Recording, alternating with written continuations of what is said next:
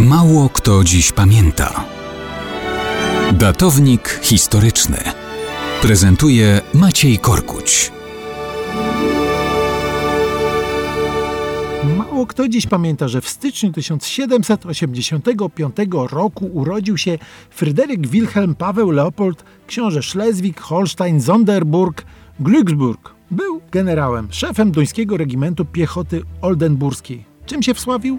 No, w gruncie rzeczy niczym. Miał dzieci. Luiza Karolina Heska powiła mu była trzy córki i siedmiu synów.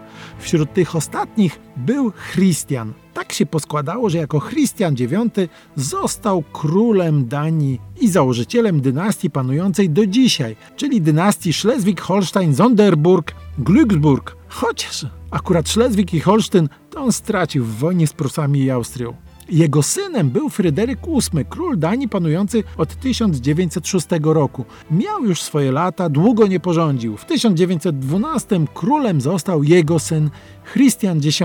Na tronie przeżył on pierwszą wojnę i niemiecką okupację w czasie II wojny światowej. Dla Danii okupacja ta była oczywiście nieporównywalna do tego, co działo się w Polsce. W 1947 roku Christian X zmarł i tron objął jego syn Fryderyk IX, ponoć całkiem zdolny dyrygent. Ożenił się ze szwedzką księżniczką Ingrid Bernardotte, potomkinią napoleońskiego generała. Zresztą, kiedy obejmował tron, już 7 lat miała ich córka, Małgorzata Aleksandra. Szans na tron w gruncie rzeczy nie miała jako kobieta, ale paradoksalnie pomogło jej to, że miała tylko dwie siostry, a żadnego brata. W 1953 roku więc duński parlament wprowadził możliwość sukcesji w linii żeńskiej. No i Małgorzata została już jako Małgorzata II najdłużej panującym władcą w historii Danii. Tron objęła w roku 1972 i no właśnie, do kiedy panowała?